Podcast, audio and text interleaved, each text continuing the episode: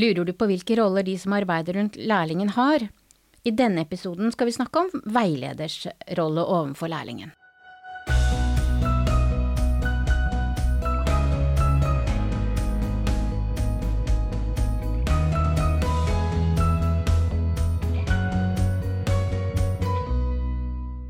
Hei! Du lytter nå på Veilederbua, som er en podkast for deg som har lærling i helse- og oppvekstfag.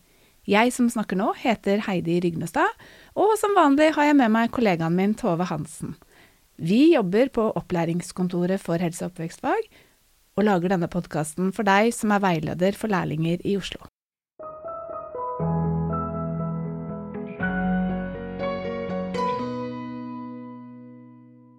Vi har jo tidligere laget en episode om hva faglig leder gjør, som har da det overordna ansvaret for at lærlingen får god opplæring.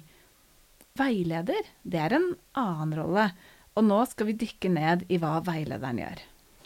Jeg tenker det er lurt at vi starter med en begrepsavklaring, Heidi, fordi nå sa du veileder, og andre ganger sier eh, vi instruktør, rett og slett. Ja, ja. Og hva er det egentlig riktig å si? Veileder og instruktør. Dette er begreper som vi bruker om hverandre. Og det er jo sånn at instruktør henger litt igjen fra gammelt av. Eh, Det er et begrep som brukes i eh, opplæringsloven, eh, og det er et begrep som ofte er mer riktig å bruke i andre yrkesfag enn helse- og oppvekstfagene. Vi vil derfor stadig møte på dette begrepet instruktør. Men vi kan like gjerne kalle det veileder, for det er jo veiledning som er den metoden vi bruker for opplæring i våre fag, da. Hva er det en veileder skal gjøre da? Det er jo veilederen som har den daglige oppfølgingen av lærlingen. Så veileder bør jobbe på samme avdeling eller lignende, og, og jobbe tett sammen med lærlingen i det daglige arbeidet. Og så skal veilederen sørge for at lærlingen blir godt mottatt og inkludert i arbeidsmiljøet. Hva betyr det da egentlig, å bli inkludert i arbeidsmiljøet?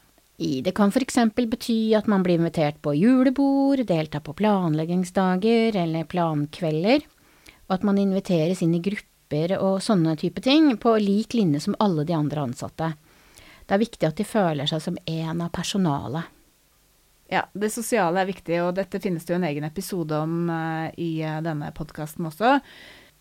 Og i tillegg til det sosiale, da, så skal jo også veileder gi lærlingen disse faglige oppgavene underveis i læretida. De skal sørge for at eh, lærlingen får varierte læringssituasjoner som er basert på oppgaver og ferdigheter, og det er, har vi beskrevet godt i vår interne plan for opplæring. Ja, for den intern plan for opplæring, den lages jo av oss på opplæringskontoret. Den, den lager vi basert på innholdet i læreplanen for faget. Men så er det veileder, ofte sammen med faglig leder, som tilpasser den interne planen til den enkelte lærling. For enhver eh, lærling trenger å jobbe ofte med oppgaver i sitt eget tempo, og med en eh, progresjon som kanskje ikke er lik som lærlingen på nabobedriften.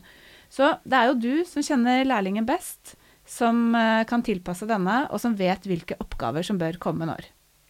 Og så er det viktig å ha med lærlingen, sånn at den er med og påvirker innholdet, og at eh, planen på en måte er etter lærlingens tempo, da. Videre så skal veileder gjennomføre minimum én time sittende veiledning per uke.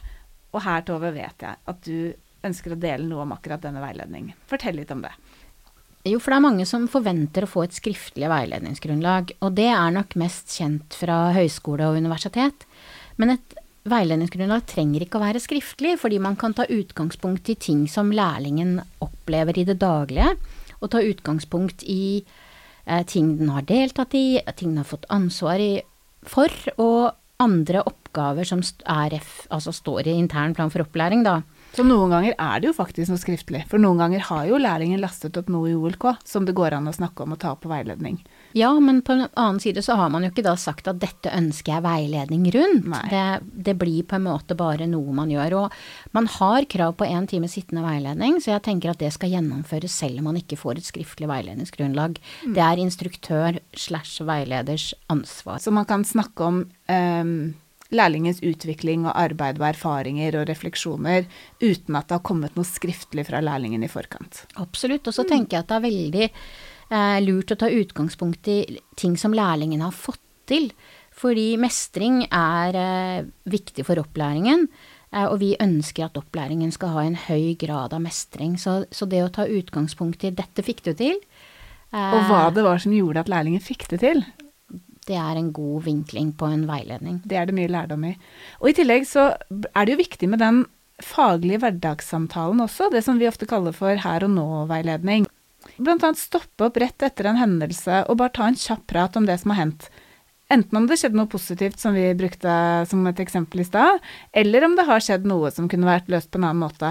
Bare for å få lærlingen til å tenke litt over hva var det egentlig som skjedde, og hvilke grep var det som gjorde at det enten gikk veldig bra, eller hva man kunne gjøre for å få dette til å flyte bedre, eller ikke, ikke gå dårlig hvis det eventuelt gjorde det. I tillegg til det så har du som veileder ansvaret for å gi lærlingen skriftlige tilbakemeldinger i OUK. Og lurer du på mer om det, så er det en episode om akkurat det. I tillegg så har du som veileder et medansvar for gjennomføring av minifagprøve. Det finnes det også egne episoder om.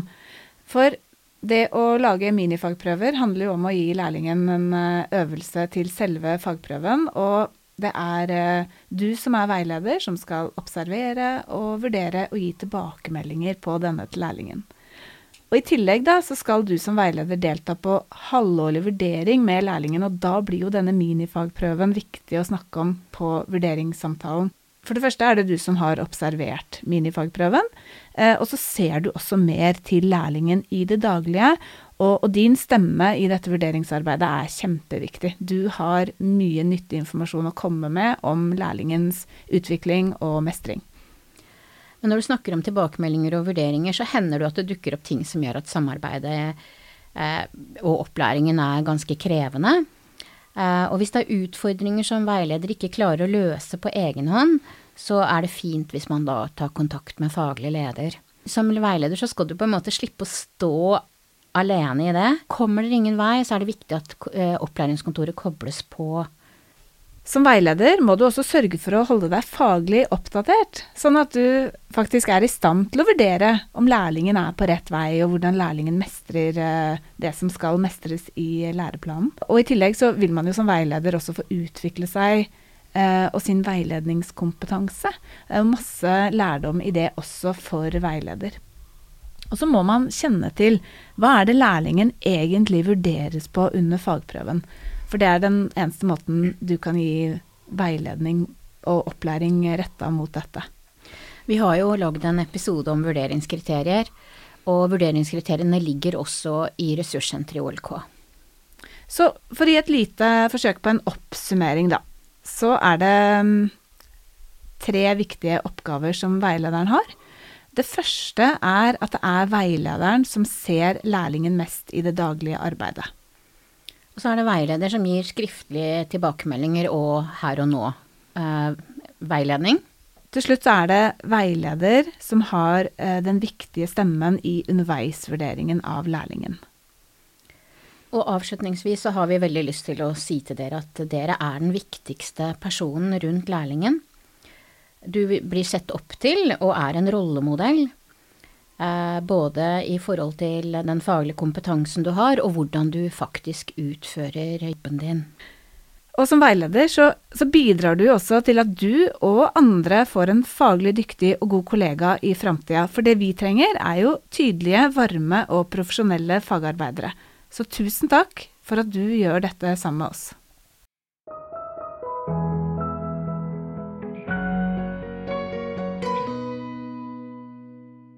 Vi har i dag snakket om veileders rolle.